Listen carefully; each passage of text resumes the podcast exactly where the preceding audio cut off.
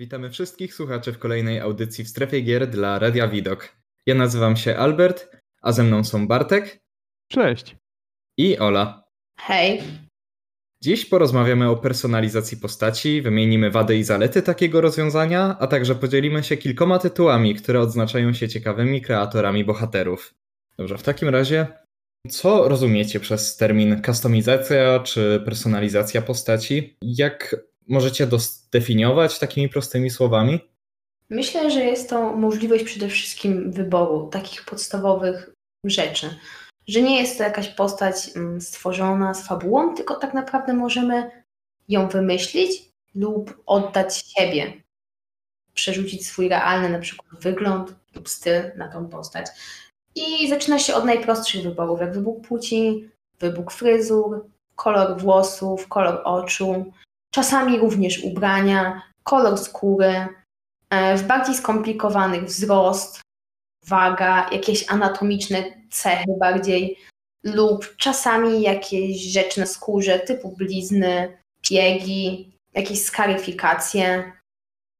Ogólnie wszystko, co wiąże się z wizualnymi elementami, prawda? Tak, chociaż czasami w kreatorach są też jakieś cechy, lub na przykład możliwość e, zmieniania stylu chodzenia, czy głosu naszej postaci, czy ma być wyższy albo niższy. Głównie rozchodzi się o wygląd, myślę, że te inne rzeczy są bardziej po prostu dodatkiem w kreatorach.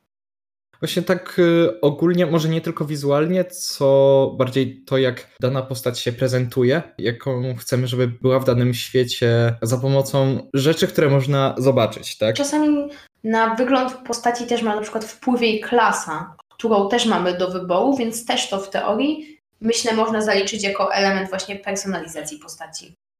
Mhm, tak.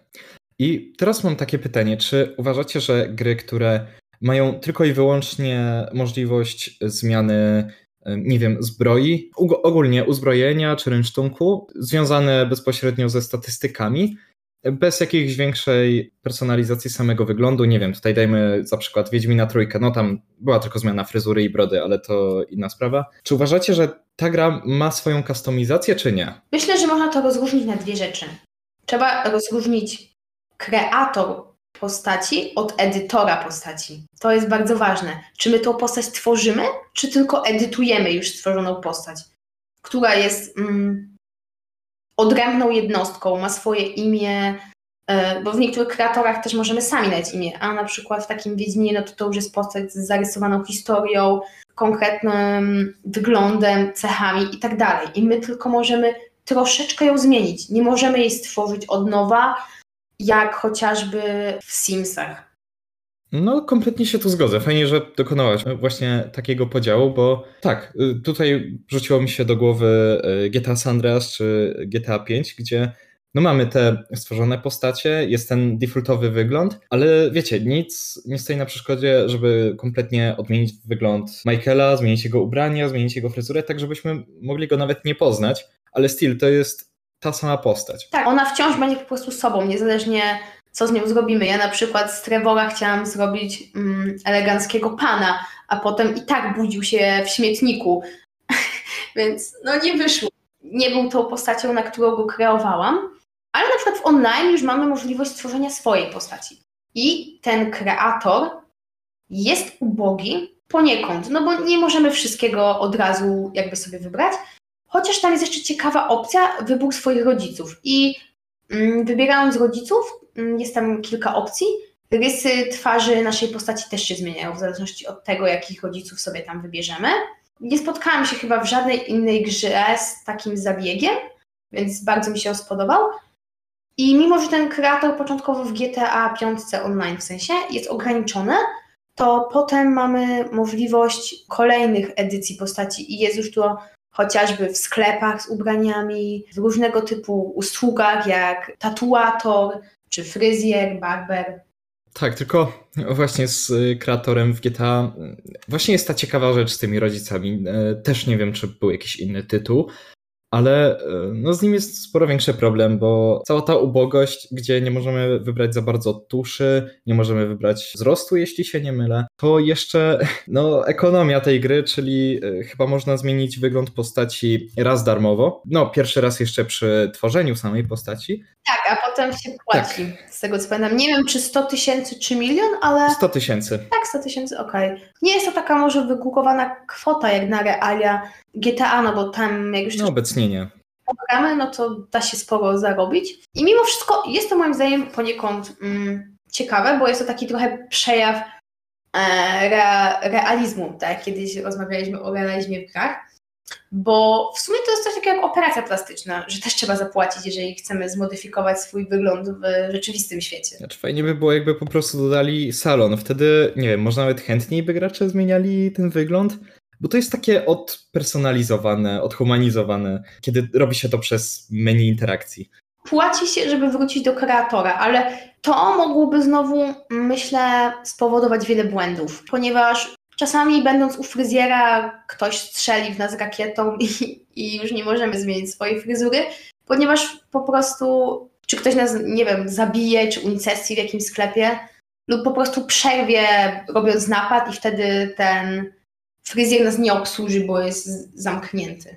Znaczy myślę, że dałoby się to rozwiązać nieco inaczej. W sensie, mm, tak jak mówisz, to tak właśnie działają, nie wiem, sklepy z ubraniami czy fryzjerzy, ale tutaj mogliby zrobić taki wyjątek, że kiedy podchodzisz tam, klikasz jakiś przycisk, to przenosi cię do, załóżmy, specjalnego pokoju, który jest za tym, a tak naprawdę to jest interior kompletnie poza światem gry i niczym by się to nie różniło od tego, poza tym, że to nie byłoby więzienie chyba, e, jak tam jest w tle, tylko no właśnie jakiś salon i właściwie wszystko pozostaje takie samo, a no to dałoby taką nutkę tego, że to jest jakaś integralna część świata gry. Jeszcze bardzo, bardzo się dobrze zgadzam z tym, co powiedziałaś, w sensie, żeby odróżnić kreator od edytora. To jest, to jest prawda, bo kre, kreator jest przy tworzeniu postaci i wpływaniu na, na jej wygląd ogólny, tak? Czyli to, czy to będą znaki szczególne, tak jak mówiliście, płeć, czy kolor skóry, cała generalnie anatomia postaci. No, akurat Rockstar ma ten swój unikatowy system tworzenia modelu gracza, który no, nie należy do naj, najbardziej precyzyjnych i trzeba naprawdę poświęcić zdecydowanie więcej czasu, żeby się do niego po pierwsze przyzwyczaić, a po drugie wiedzieć, w jaki sposób zmiana dziadków, a potem rodziców swojej postaci wpływa na wygląd no, postaci. Dla mnie to jest ciekawe rozwiązanie, ale w ogóle nie ma. Mm uzasadnienia fabularnego. No bo my nie, bo jakbyśmy jeszcze grali, mm, no tak jak Michaelem, czy Trevorem, czy Franklinem, no to ich, nie zmienisz ich rysu, rysów twarzy, bo nie ma jakiegoś tam chirurga plastycznego, nie ma takiego miejsca w GTA, więc to rozumiem, że nie można bardzo pochwalać z ich wyglądem. Ale my jesteśmy tak naprawdę randomową osobą. My wchodząc do online nie mamy żadnej historii, nie jesteśmy żadną postacią fabularną. Jesteśmy po prostu zwykłym więźniem, zwykłym gangsterem, przestępcą, więc po co nasza przeszłość jest ukazywana za pomocą rodziców? Rozumiem to backstory, że jesteśmy w więzieniu, no bo jesteśmy po prostu przestępcami, ale po co ci rodzice tam są dodani? Nie rozumiem tej idei. Nie, zgadzam się, to jest, to jest bez sensu. To jest po prostu unikatowy system kreacji postaci, który no, sprawdza się tylko przy produkcjach Rockstara, bo wszędzie indziej, czy to będzie jakaś produkcja typu Monster Hunter, Black Desert Online, Ark Survival Evolved, może nie wiem, jakieś MMO, inne MMORPG typu Final Fantasy czy World of Warcraft, e, czy będą to RPG typu Mass Effect, czy coś z, od Bethesdy jak Fallout albo Elder Scrollsy, czy to będzie Oblivion, czy, czy Skyrim, tam zupełnie inaczej działa kre, kreowanie postaci. Musimy też zauważyć, że w wielu grach mm, tam edytor lub y, kreator postaci jest z początku ograniczony. A jeżeli pogramy więcej, możemy odblokować nowe rzeczy. Na przykład ostatnio grałam Farm Together i tam jakieś fryzury lub mm, jakieś tam dodatki i ubrania uzyskujemy z wyższym levelem. Na początku mamy tam kilka, potem kilkanaście, może dojść do kilkadziesięciu elementów. I w przypadku GTA na przykład też tak jest, w sensie piątki, bo tam też, żeby dostać lepsze fryzury, makijaże czy to ubrania, także musimy zebrać więcej doświadczenia i wbić po prostu wyższy poziom, żeby odblokować więcej tych możliwości. Zgadzam się. No, teraz w grach jest zdecydowanie większy. No, w tych produkcjach, które wy, wypowiedziałaś i w kilku też innych, wraz z upływem czasu, zwiększenia powiedzmy ilości odblokowanych e, możliwości kustomizacji postaci, tak, tam będziemy mieli więcej fryzur, będziemy może jakieś tatuaże, może soczewki dla postaci, jeżeli nie, nie gryzie się to za bardzo z, ze światem gier. Czasami na przykład również w misjach odblokowujemy jakieś elementy. To prawda jakieś y, rzadkie stroje. No tak, ale to, jest, to już jest właśnie różnica pomiędzy tym, kiedy bezpośrednio wpływamy na wygląd postaci, jak w RPGach, gdzie no, od początku robimy swoją własną postać i sprawiamy, że wygląda ona tak, jak chcemy, a będzie to Wiedźmin 2 czy 3, gdzie jedynie co możemy zmienić w e, Geralcie to jest fryzura albo zbroja. I czasem będą to kwestie stylistyczne, tak, postaci. Musimy e, też zauważyć, że niektóre kreatory są cudowne i gracze je uwielbiają, a niektóre są tak beznadziejne, że potrzebujemy modów, żeby można było zrobić po prostu lepszą postać. I tak jest na przykład w Simsach, że ten kreator jest na taką grę, która w teorii jest o życiu i te postacie są ważnym elementem gry, no bo jednak na nich opiera się cała rozgrywka. E, granie jedną postacią z reguły jest nudne i zazwyczaj posiadamy ze dwie, trzy albo i więcej postaci. I raczej skoro gramy nimi przez długi czas, przywiązujemy się do nich w jakiś sposób, chcemy, żeby wyglądały y, one na przykład w określony sposób.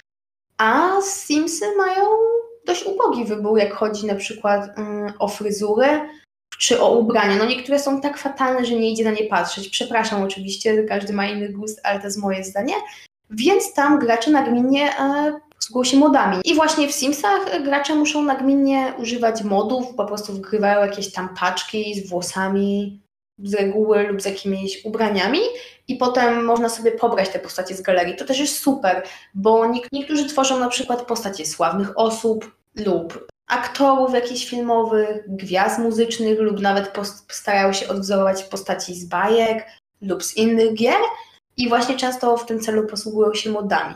Więc wtedy kreator nie wystarcza. Trzeba czegoś więcej. Chociaż yy, uważam, że jest to fajne, ponieważ rozwija tą kreatywność graczy i też buduje jakąś społeczność wokół gry, bo ludzie rozmawiają o tym, spędzają czas na tworzeniu tego, inni to y, pobierają, implementują do swojej rozgrywki, do swojego świata i wtedy spędza się jeszcze więcej godzin w grze, a chyba o to chodzi twórcom, żeby spędzić jak najwięcej godzin w ich tytule. To jest akurat duży plus tego ubogiego kreatora w Simsach, że gracze mają możliwości się rozwinąć też i wyżyć trochę artystycznie lub coś w tym stylu. Znaczy teraz wchodzę ja jako pesymista, który mówi, że no to wszystko wynika niestety z modelu monetyzacji tej gry, czyli napchanie jak najwięcej DLC różnych, poza expansion packami, które no serio dodają jakieś może mechaniki czy coś, no to jest cała masa tych, e, nie pamiętam nazwy, ale tylko tych rzeczy kosmetycznych do kreatora, e, ewentualnie do budowania domu, ale to już inna sprawa. Właśnie po to, żeby ludzie kupowali dodatki. Mamy chociaż to szczęście, że nie blokują modów, ale nadal jest to na tyle ubogi wybór, że Kurczę, jest to jedna z najbardziej prominentnych serii, jeśli chodzi o symulatory i jedyny wybór, jeśli chodzi o symulator życia, tak? Nie, nie mamy takiego drugiego, a twórcy ograniczają nam początkowy wybór do naprawdę, nie wiem... Znaczy, chyba, że ci przerwę, bo są tego typu symulatory, ale nie są tak dobre jak Simsy. Hmm, znaczy nie spotkałem się, chyba, że to by były Raczej niszowe gry, inspirowane Simsami, tak zwane jakieś podróby, czy coś w tym stylu. Okej, okay, no ale nie zdobyły takiej popularności, niestety.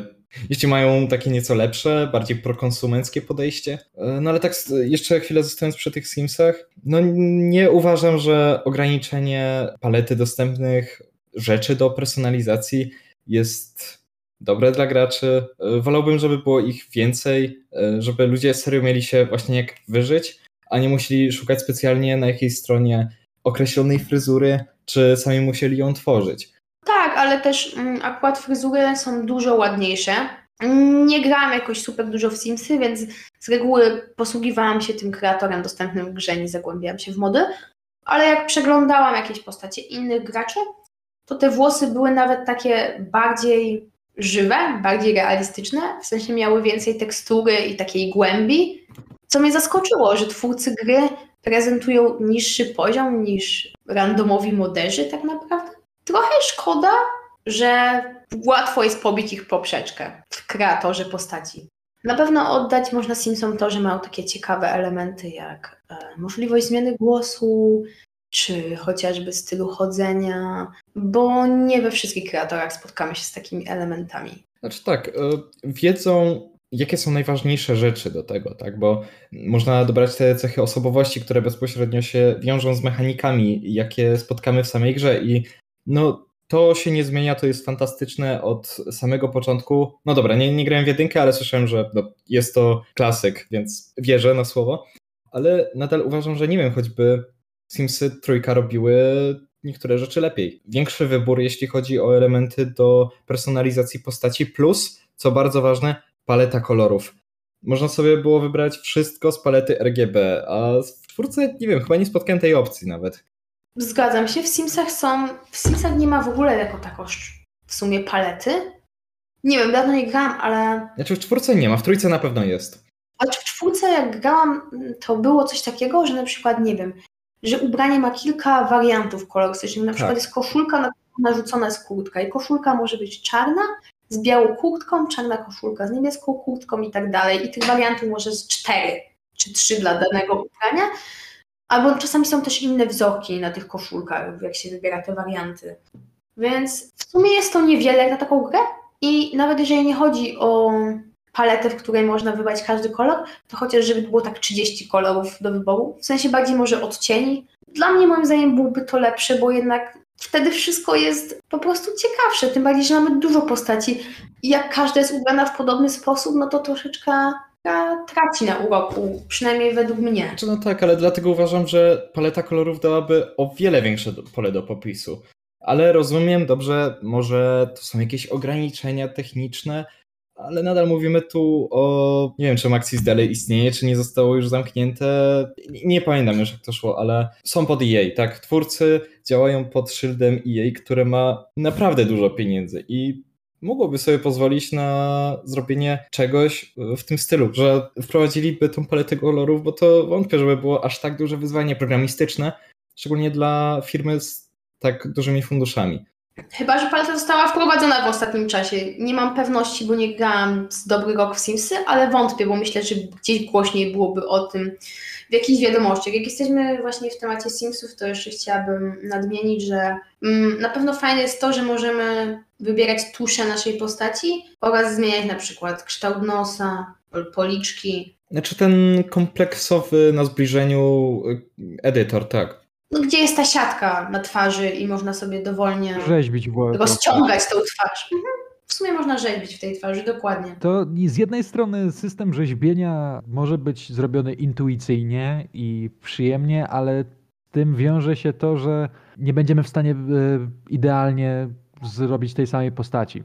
Powiedzmy, gdyby coś się stało i chcielibyśmy stworzyć ją tak samo, ale z drobnymi zmianami albo podobnie, ale inaczej, jeżeli rozumiesz o co mi chodzi.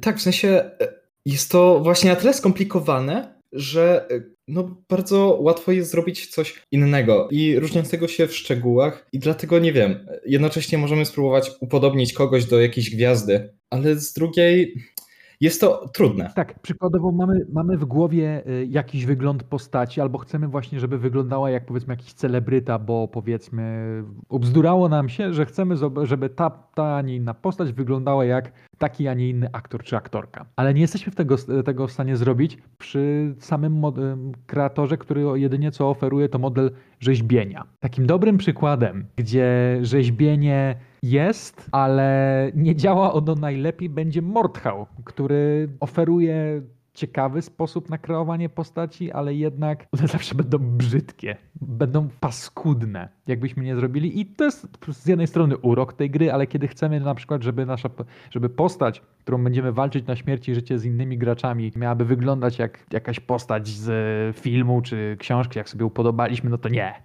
Będzie paskudna i nie będzie się dało zbytnio coś z nią zrobić. Wracając do tematu jeszcze z ograniczeniem przez deweloperów wyborów kolorów, strasznie jedynie fair wobec graczy, według mnie, e, zachowało się studio 343 Industries, tworząc Halo Infinite, które teraz jest obecnie szkieletorem i nie jest pełną grą, bo patrząc na poprzednie wy wydania z no, gier z serii Halo, czyli to będzie trójka, Reach czy dwa, miały one naprawdę zdecydowanie większą, większą paletę kolorów do wyboru dla każdej ze zbroi, gdzie w Infinite za kolory no, spoza standardowych powiedzmy kilku się płaci i są one dostępne tylko dla jednego rodzaju zbroi kreator, w którym jesteś w stanie stworzyć swojego Spartanina, czyli tego super, super żołnierza, tak? I zawsze ta opcja była dostępna albo na start, albo odblok, tak jak wcześniej mówiliśmy, że wraz z doświadczeniem, ze zwiększonym poziomem odblokowywało się powiedzmy fragmenty e, pancerza, jakieś dodatkowe kolory albo coś jeszcze w kwestii stylistycznej.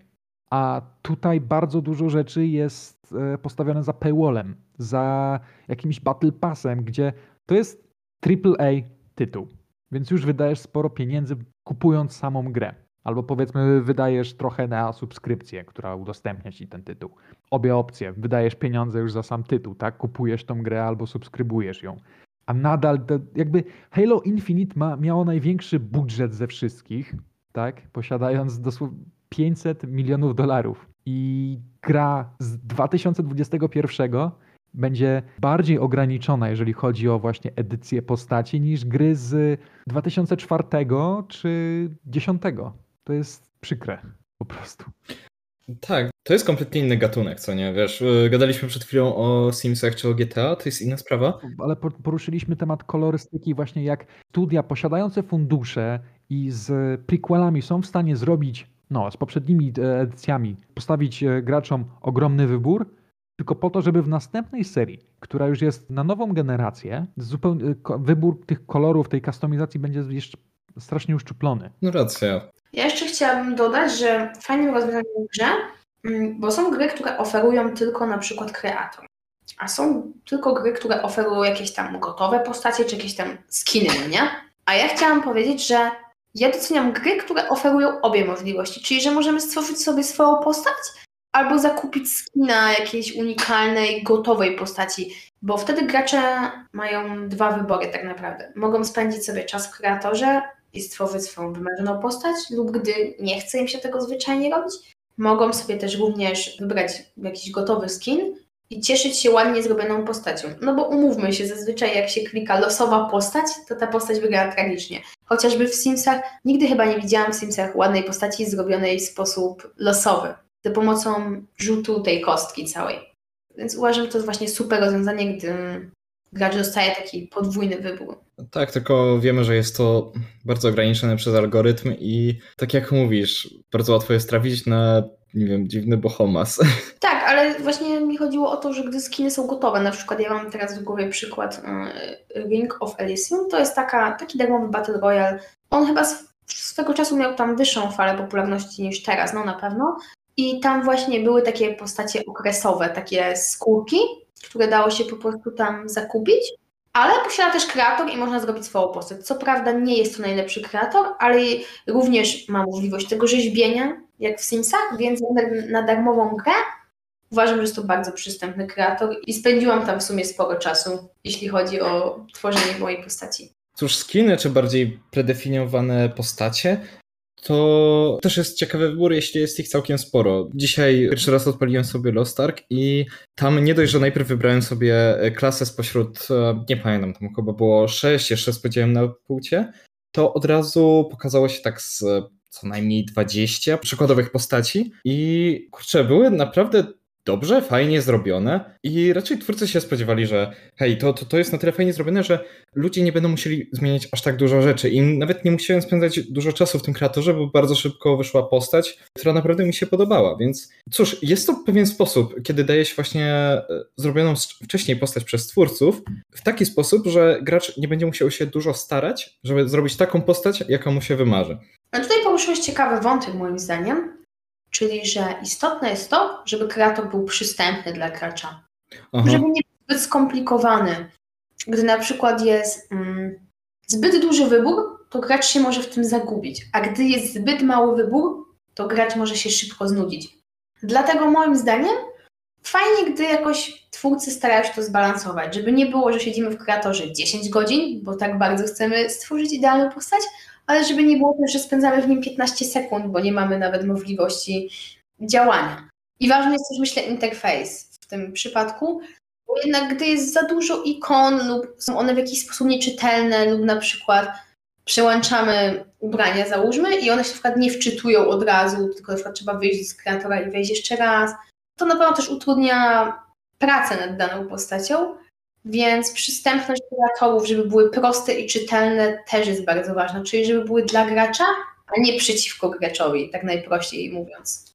Tak, ewentualnie mm, tak sobie myślę, że nie wiem, przydałyby się jakieś dwa tryby, albo może bardziej to ze sobą, nie wiem, powiązać, że znaleźliby dla siebie coś gracze, którzy nie za bardzo chcą kombinować, chcą coś prostego, intuicyjnego, ale też, żeby gra była przystosowana pod graczy, którzy chcą absolutnie każdy mały detal dostosować. Oczywiście mówimy tu o grach, gdzie byłoby to ważne, czyli no załóżmy, nie wiem, kolejna część Simsów, o ile kiedykolwiek powstanie, to by się coś takiego przydało, bo wiecie, jeśli gracz ceni sobie tylko ten wariant gry, gdzie się żyje, spełnia te swoje cele i tak dalej, chodzi do pracy, to okej, okay, to miałby ten prosty kreator, przyjemny, nieskomplikowany, a osoby, które chciałyby dłużej siedzieć, miałyby ten absolutnie każdy szczegół. Dobrze, teraz chciałbym poruszyć ważny dla mnie temat, czyli czy pozwolenie graczom na wykreowanie własnej postaci niejako ujmuje warstwie narracyjnej? W sensie, czy nie uważacie, że postać, którą tworzycie tak od zera, jest taka jakby nieco wyjęta z tego świata, bo nie wiem, najczęściej albo jest niemową, albo ma na tyle uproszczony charakter czy swoje decyzje, że trudno jest się z nią utożsamić? I tak, i nie. Bo na przykład w GTA bardzo mnie irytowało to, że nasza postać jest niemową, ale z drugiej strony w GTA jest na przykład to super podzielone, że w fabule gramy postaciami fabularnymi, a grając sobie w online, który, który w teorii jest do zabawy z innymi graczami. Oczywiście są tacy, co w online wolą grać sami, robić sobie jakieś tam misje, rozwijać sobie swoje tam różne firmy i doglądać interesów oraz poszerzać swój garaż, żeby mieć najlepsze samochody i po prostu jeździć sobie nim po mapie i dobrze się bawić, wiadomo ale myślę, że w online nie ma aż tak dużo cutscenek i to bycie niemową jest irytujące, ale to, że możemy wykreować tam swoją postać jest super. Po prostu musimy wykreować swojego gangstera. I wiadomo, że on nie będzie miał jakiejś przeszłości, ale to akurat tam pasuje, więc ja bym że to zależy od charakteru gry. Zgadzam się. Jeżeli to by był e, coś, coś bardzo ciężką fabułą, czy powiedzmy już istotną i wygląd postaci no, miałby na to wpływ, powiedzmy jak po, po, postaci powinny reagować, a tego nie robią, bo powiedzmy stworzyliśmy żółtego kaczora z tęczowym afro i powiedzmy klaksonem na nosie Masz, masz gry typu Dragon Age, które będą się traktowały super poważnie. Będzie wyobraź sobie scenariusz Dragon Age Inkwizycja. Walczysz, z, właśnie odpierasz inwazję demonów. Jest cutscenka bardzo in, istotna dla fabuły, a twoja postać wygląda jak e, duży ptak z ulicy Sezamkowej. Nie, choć, choćby nie wiem, jak, jak bardzo byś się wczuł czy wczuła w fabułę i to, jak ważny ten moment w grze jest, to twoja postać będzie w sumie to przez ciebie odklejona od rzeczywistości. Jeżeli chodzi o niemowy, no to właśnie też innym, ale dobrym przykładem będzie seria gier Destiny, gdzie protagonista czy protagonistka, którą gramy, też nie jest tym gadatliwym typem. I zazwyczaj po prostu w grach to, to jest pomijane, że no, postać się nie odzywa, bo powiedzmy wybieramy tylko linie tekstowe, tak? Jeżeli to jest gra RPG o rozwiniętym systemie dialogów, na przykład jak Fallout New Vegas, gdzie no postać jest stworzona przez nas, tak jak my chcemy, ale jest tyle możliwości, jak mogłaby brzmieć, że deweloper po prostu nie, nie wkłada żadnych w, w, poprzednich edycjach Fallouta. Protagonista czy no, główny bohater nie miał własnych kwestii dialogowych, głosowych, tylko po prostu linijki można było sobie wybrać, tak? A NPC-ty po prostu reagowały na to jakoś. Mhm. Właśnie, wybacz, że jeszcze wrócę, ale no, GTA jest najwyraźniej zapalnikiem do naszych dyskusji.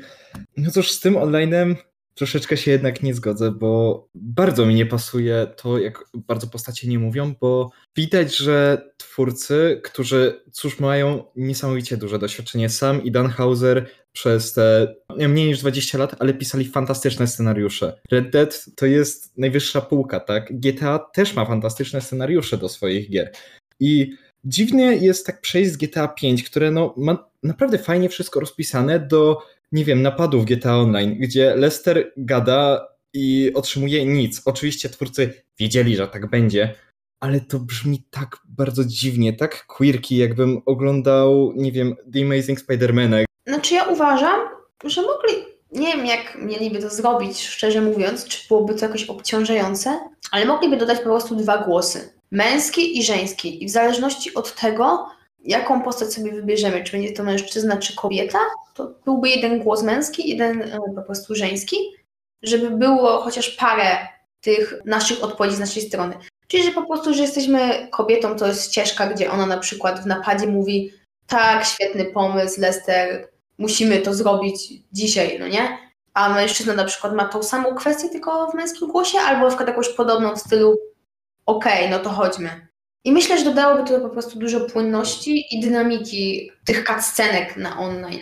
No właśnie, ja chciałem się tu zgodzić, że to jest dla takiego giganta na rynku gier, jakim jest Rockstar, wklejenie nawet dwóch. Nie mówimy tutaj o całej gamie głosów, tak? Chociaż dałoby się to po prostu jednym prostym modulatorem zmieniać ten, ten ton głosu postaci. Wystarczyłaby właśnie jedna męska, jedna żeńska kwestia i pobawić się suwakiem e, tonem tego głosu. I to już by kompletnie wystarczyło, bo skoro oni są w stanie pisać dobre scenariusze, ciekawe, tak? Red Dead Redemption posiadający absurdalną ilość e, linijek tekstowych w interakcji pomiędzy postaciami a otoczeniem, a potem wrzucający cię w online, gdzie ta gra nie ma żadnej interakcji ze światem praktycznie, no, no coś, coś tu nie gra.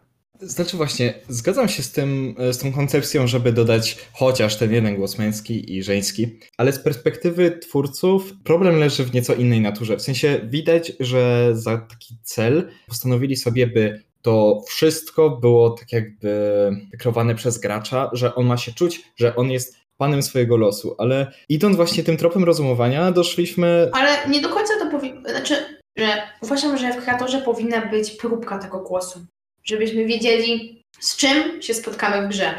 Więc na przykład przełączamy na kobietę, to słychać jakieś tam jej przywitanie, a jeżeli przełączamy się na mężczyznę, to jest jakieś tam jego przywitanie i wtedy wiemy, który głos na przykład bardziej odpowiada. Jeżeli dla kogoś ważna jest kwestia głosu, a nie na przykład wyglądu postaci, bo na przykład nie chce się męczyć z jakimś głosem przez całą grę, to mógłby sobie wybrać. A myślę, że to nie zaszkodziło w żaden sposób e, temu, że nie mamy wpływu.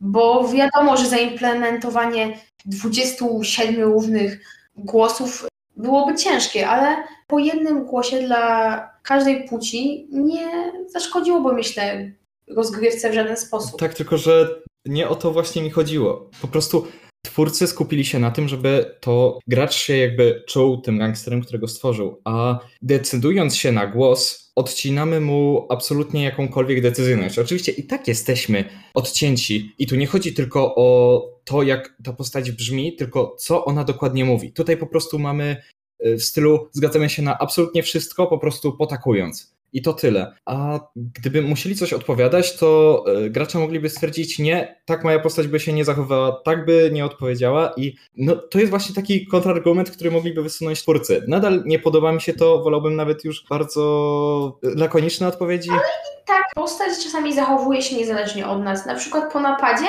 jest jakaś scena, tam jak mamy grupę, że na przykład pijemy alkohol w barze lub palimy pod jakimś budynkiem papierosy no a ktoś nie pali i powie, nie chcę, żeby moja postać paliła, a twórcy daje tylko cutscenkę, więc tak naprawdę nie mamy wpływu na każdy element naszej postaci.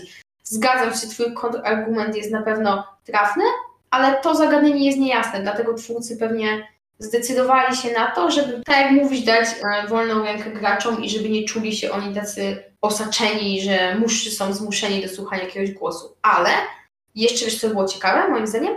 Gdyby dali możliwość włączenia głosów albo wyłączenia. Czyli, że mielibyśmy trzy opcje. Ale wtedy trzeba by pisać e, kilka różnych scenariuszy i to byłby główny problem. to by były trzy scenariusze. Męski, żeński i bez słów. I okej, okay, byłoby to trudne, ale wtedy gra byłaby, można powiedzieć, że dawałaby jeszcze większy wybór. Wiem, że byłoby to trudne, ale uważam, że byłoby to ciekawe rozwiązanie. No tylko jeszcze jest ten problem z onlinem, że jednak w kascenkach pojawia się po kilka postaci, jeśli robimy jakiś napad. I nie wiemy, jak wybrnęliby z tym scenariuszem, gdyby wszystkie z nich rozmawiały, ale hej, no jakby Rockstar ma pieniądze, Take-Two ma pieniądze, mogliby sobie na to pozwolić. Tak, mi nie chodziło o rozbudowane jakieś tam dyskusje z tymi postaciami, tylko coś w stylu tak, nie, dobra, chodźmy. Jak z, na przykład zapytanie Lestera, gdzie teraz mam się udać? I on odpowiada, że wszystko byłoby takie schematyczne i byłoby nudne, bo w kółko byśmy słyszeli to samo, bo tak naprawdę w napadach, w danym napadzie zawsze jest ta sama linia dialogowa. Zawsze mówią to samo postacie, co już mówiły. Nie ma tam kilku możliwości, więc to, że nasza postać by też się powtarzała z innymi, że ciągle mówiłaby to samo, nie zmieniłoby niczego w rozgrywce, tyle, że nie byłoby tych niezręcznych momentów ciszy. Nasza postać tylko stoi i potakuje głową. E, ale dobrze, no tak ciągle mówimy o tym, jak bardzo trudno jest to zrobić, żeby poczuć, że nasza wykreowana przez nas postać jest integralnym elementem świata, to chciałbym tutaj dać jeden pozytywny przykład chociaż, gdzie co można mówić o cyberpunku, no to to zrobili perfekcyjnie. W sensie czuć było, że mimo, że tworzyłem wygląd mojej postaci, to ma ten swój predefiniowany charakter, który i tak możemy nieco kształtować przez nasze wybory dialogowe i wszystko było takie integralne, plus głosy, cóż no, są dobrane z góry, są zagrane świetnie i nadal czuję, że tak, to jest ta moja postać i nie, nie, nie czuję się jakby ograniczony przez twórców. Ale to ja chciałem powiedzieć tyle, że Cyberpunk wbrew temu, że jest, należy do tej nowej generacji gier, to nie ma najbardziej zaawansowanego kreatora postaci ku rozczarowaniu, chociażby mojemu. I w zależności od niektórych augmentacji, które wybierzemy w trakcie gry, pojawią się one na naszej postaci. Na przykład, je, właśnie jedna z augmentacji, którą wybierzemy, będzie widoczna na postaci. No w sensie po prostu wybór pewnych augmentacji jest widoczny tak długo, jak go sobie zatrzymujemy. Ale sam kreator postaci niestety nie należy e, najszczodrzejszych teraz w sumie do mnie to dotarło, że jakkolwiek Cyberpunk jest tą grą RPG nowej generacji, wychodzącą zaledwie ile? Dwa lata temu wyszła? Miała premierę? No, jakkolwiek kontrowersyjna ona by nie była, półtora roku temu, przepraszam to jednak gra, która jest od dekadę praktyk prawie młodsza, miała bardziej zaawansowany system kreacji czy edycji postaci i był nią Saints Row. Gra powszechnie znana, znana no tak, trójka, czwórka, nawet może i dwójka, posiadające już opinię, że okej, okay, to własna seria, ale pierwsze to części, no to, to, to pierwsza część miała, była jawną parodią GTA i później powiedzmy w, przyszła na swoje tory, tak? Znaczy nie, nie była nawet parodią w jedynce. No po prostu no, wyglądała i czuć było, że to był, brzyd, brzydko tutaj mogę powiedzieć, ale troszeczkę klon. Tak, tak. To znaczy potem, co twórcy zrobili z serią jest fenomenalne i szczerze powiedziawszy bawiłem się równie dobrze szerząc brednie w Saints Row jak w GTA, robiąc równie, równie absurdalne głupoty, tak? Ale chodzi mi o to, że pomiędzy tym RPG-iem od CD Projekt Red, a Saints Row od Deep Silver, który wyszedł w 2011 roku, tutaj mówię o trójce, tak? Ma lepszy system, ma dos dosłownie bardziej zaawansowany i dający nam większą ilość możliwości niż... Znaczy dobra, tutaj się nie zgodzę. Tam też były suwaki, które miały poszczególne wartości. To jest to samo co w Cyberpunku. Ale nadal był większy wybór. Na pewno miał mniej elementów, które można było kustomizować, ale nie przeczę, że mogło być tak, że można było je kustomizować na więcej sposobów. Dobrze, to skoro e, już pogadankę o cyberpunku, o tej całej narracji i no jakoś nam się napatoczył tutaj Saints Row, mamy już za sobą, to może dosyć takie trywialne, proste pytanie, ale czy uważacie, że jest to ogólnie potrzebny element w grach, cała personalizacja postaci, czy nie jest to aż tak ważne nawet w grach, które wydawałoby się słyną z tego jak niektóre RPG czy MMO? Jak dla mnie to jest ważny aspekt wszystko zależy od tego, czego gracz chce. Czy on chce wrzucić siebie w świat gry, żeby jak najlepiej się wczuć, czy będzie to, czy on jemu wystarczy po prostu stworzona już postać przez deweloperów, która jest jakoś napisana i będą się mogli do niej odwołać, żeby postać, żeby do tej postaci w ogóle dało się odwołać, bo będzie ludzka. Szczerze, dla mnie to jest bardzo ważny element, bo sprawia, że bardziej wczułam się w grę. Poczucie immersji. Bo ja mam taki nawyk, że zazwyczaj robię postacie upodobnione do mnie w jakiś sposób. W sensie, że staram się, by wyglądały dokładnie jak ja, na ile jest to możliwe. Wiadomo, że nie będę siedziała 10 godzin w Simsach, żeby zrobić sobie taki sam kształt nosa, jaki mam w prawdziwym świecie, ale mimo wszystko jakiś tam styl ubioru, włosy, kolor oczu lub ogólny zarys sylwetki czy twarzy. Staram się, żeby były jak najbardziej podobne do mojego rzeczywistego wyglądu. Dzięki temu czuję się, jakbym trochę ja była w tej grze, jakbym jeszcze grała w jakąś produkcję, w której naprawdę są spore emocje i jest ciekawa fabuła. Plus mogłabym jakby tą swoją postać obserwować w jakiś sposób, bo niektóre gry działają tak, że gramy tylko z pierwszej perspektywy, więc wtedy nie mamy możliwości podziwiania tego, co stworzyliśmy, więc to też jest trochę bez sensu. Więc jeżeli jest jakaś gra, w której mam możliwość obserwowania tej swojej postaci z perspektywy trzecioosobowej lub obracania nawet kamery tak, że mogę ją zobaczyć też z przodu, jeśli nie wiem, założę jakieś nowe ubranie, czy chociażby zbroję, czy cokolwiek, to u mnie akurat to poprawia immersję i dlatego jest to dla mnie ważny element gry, ale zależy jakiej grze. Bo na przykład w niektórych produkcjach jestem wdzięczna, że nie wybierałam tej postaci. Po prostu w większości grach mm, uważam, że kreator jest dla mnie ważnym, potrzebnym elementem, bo tworzy postać na wzór siebie i poprawia to moją immersję, ale są gry, w których nie chciałabym tego. Na przykład w Far Cry'u mam możliwość, mówię tutaj o piątce, jest możliwość zrobienia swojej postaci i tam mi się to nie podoba. Tam kompletnie psuje to immersję. Wolałabym być jakimś już żołnierzem tej jednostki specjalnej, który tam walczy z kultem i po prostu mieć świadomość, że jestem kimś innym, że mam jakąś misję, czyli walczyć z kultem, niż że jestem jakimś w sumie NPC-tem bez historii, ale wyglądam tak, jak mi się podoba. Zależy w jakich grach. Z reguły bardzo jestem wdzięczna za kreator, ale czasami po prostu on mi przeszkadza i mi się nie podoba, więc wszystko zależy od typu produkcji. Dobrze, no to według mnie, jeśli chodzi o jakby potrzebność tego elementu, mi by właściwie nie przeszkodziło, gdyby go totalnie nie było. O, o, wiele większą imersję czuję, kiedy twórcy zaplanują daną postać, rozpiszą dla niej scenariusz i poczuję, że to jest postać z krwi i kości, bo mogą mi dać wybory, które będą skrajnie dobre, skrajnie złe i kończą jako totalnie jałowe, bo nie czuję, że to jest faktyczna postać, to jest karykatura, jakiś model, Symbol to za duże słowo. Po prostu nie czuję, żebym kierował postacią taką, jaką bym chciał, chociaż oczywiście elementy wizualne są ciekawe przy tym i dlatego tak chwalę Cyberpunka, bo pomieszało te dwie rzeczy, ten mały aspekt wizualny, nie tylko to, że mogę zmienić zbroję i tak dalej. I no to była dla mnie perfekcyjna synergia, ale gdyby gry były pozbawione kustomizacji postaci, ja bym tego nie odczuł, chociaż nie mówię, że tak ma być, bo hej, gracze się różnią, i każdy powinien mieć swoją niszę, tak? Więc hej, nie, nie, nie postuluję tutaj, żeby e, wywalić kompletnie wszystkie kreatory. To po prostu moje podejście i tyle. Po prostu nie, nie zmieniłyby mi dużo odbioru, poza tym, że scenariusze mogłyby być napisane nieco lepiej. W sensie, wiesz, z jednej strony masz gry typu Senua Sacrifice, gdzie kustomizacji postaci nie ma, a gra nadal jest fenomenalna, czy Tomb Raider, gdzie też jakoś nie, nie zmieniasz sylwetki Lary, a będziesz miał do, dobry tytuł z kustomizacją, to nie wiem, no jakiś RPG, wrzuć jakikolwiek, czy to będzie Fallout, czy to będzie seria jak, jakichś innych RPGów, no tam jednak jest dobrze tworzyć własną postać, tak?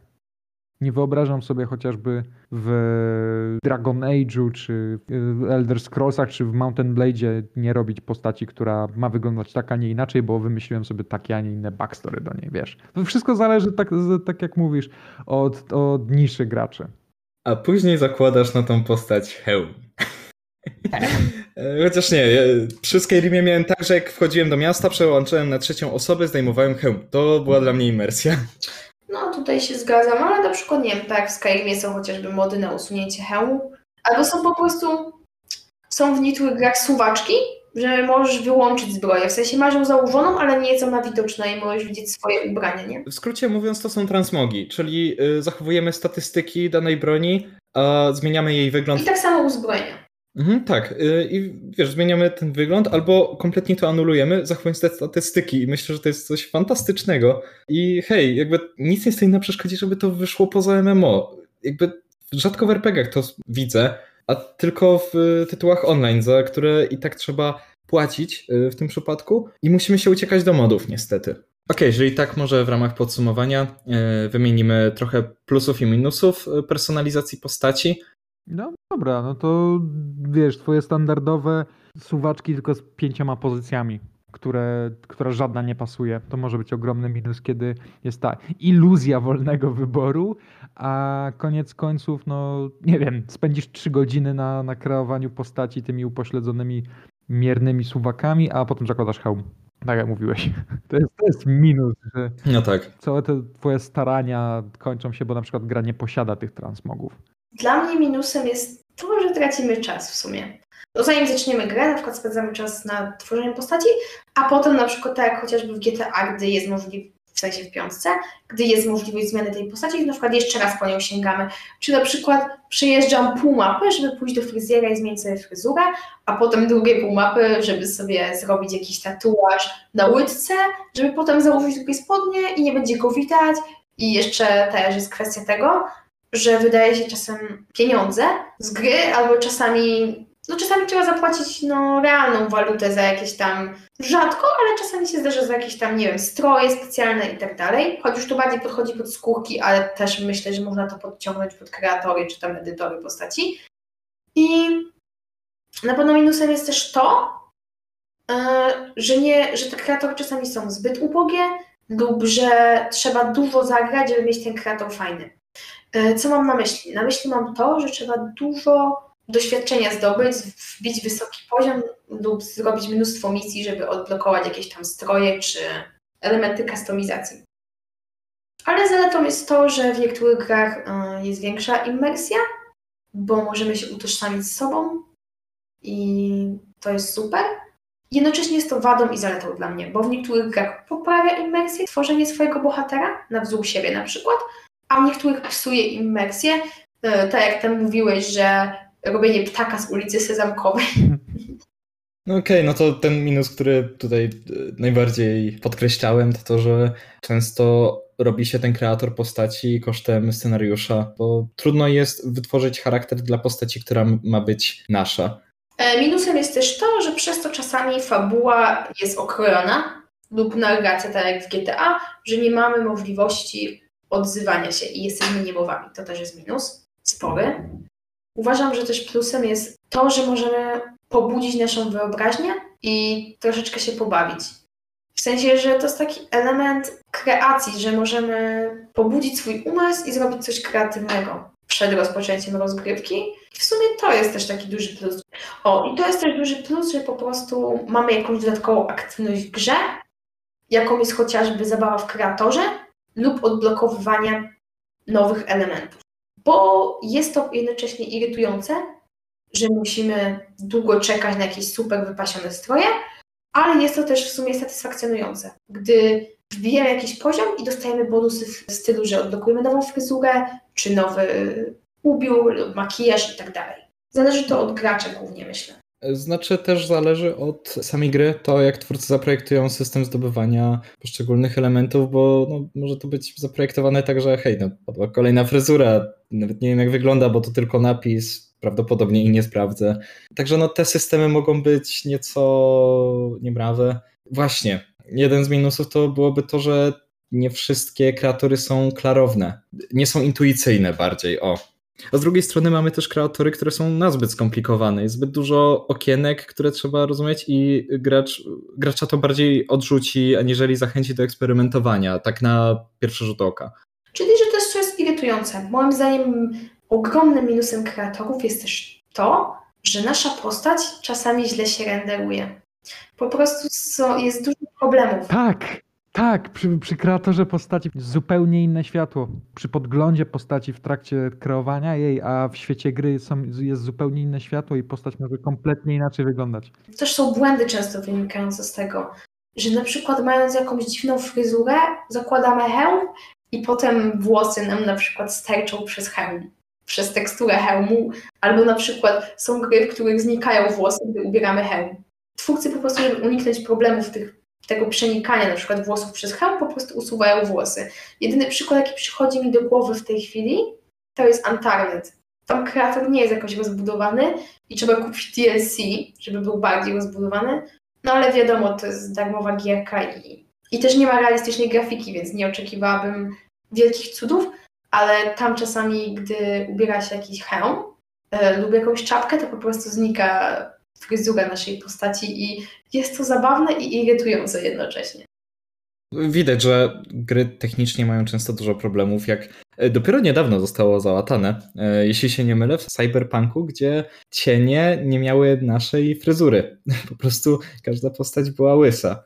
Okej, okay, i może wymieniliśmy całą masę minusów i bardzo mało plusów, ale pamiętajcie, że one mają różną wagę, tak? To nie oznacza, że dlatego, że mamy, nie wiem, 10 tych minusów, to oznacza, że kreatory to zło i powinno być wycięte. Absolutnie nie. Jakby samym plusem jest to, że możemy dostosować sobie postać pod nas. Tak, kreatywność na pewno mm, wzrasta dzięki takim zabawom.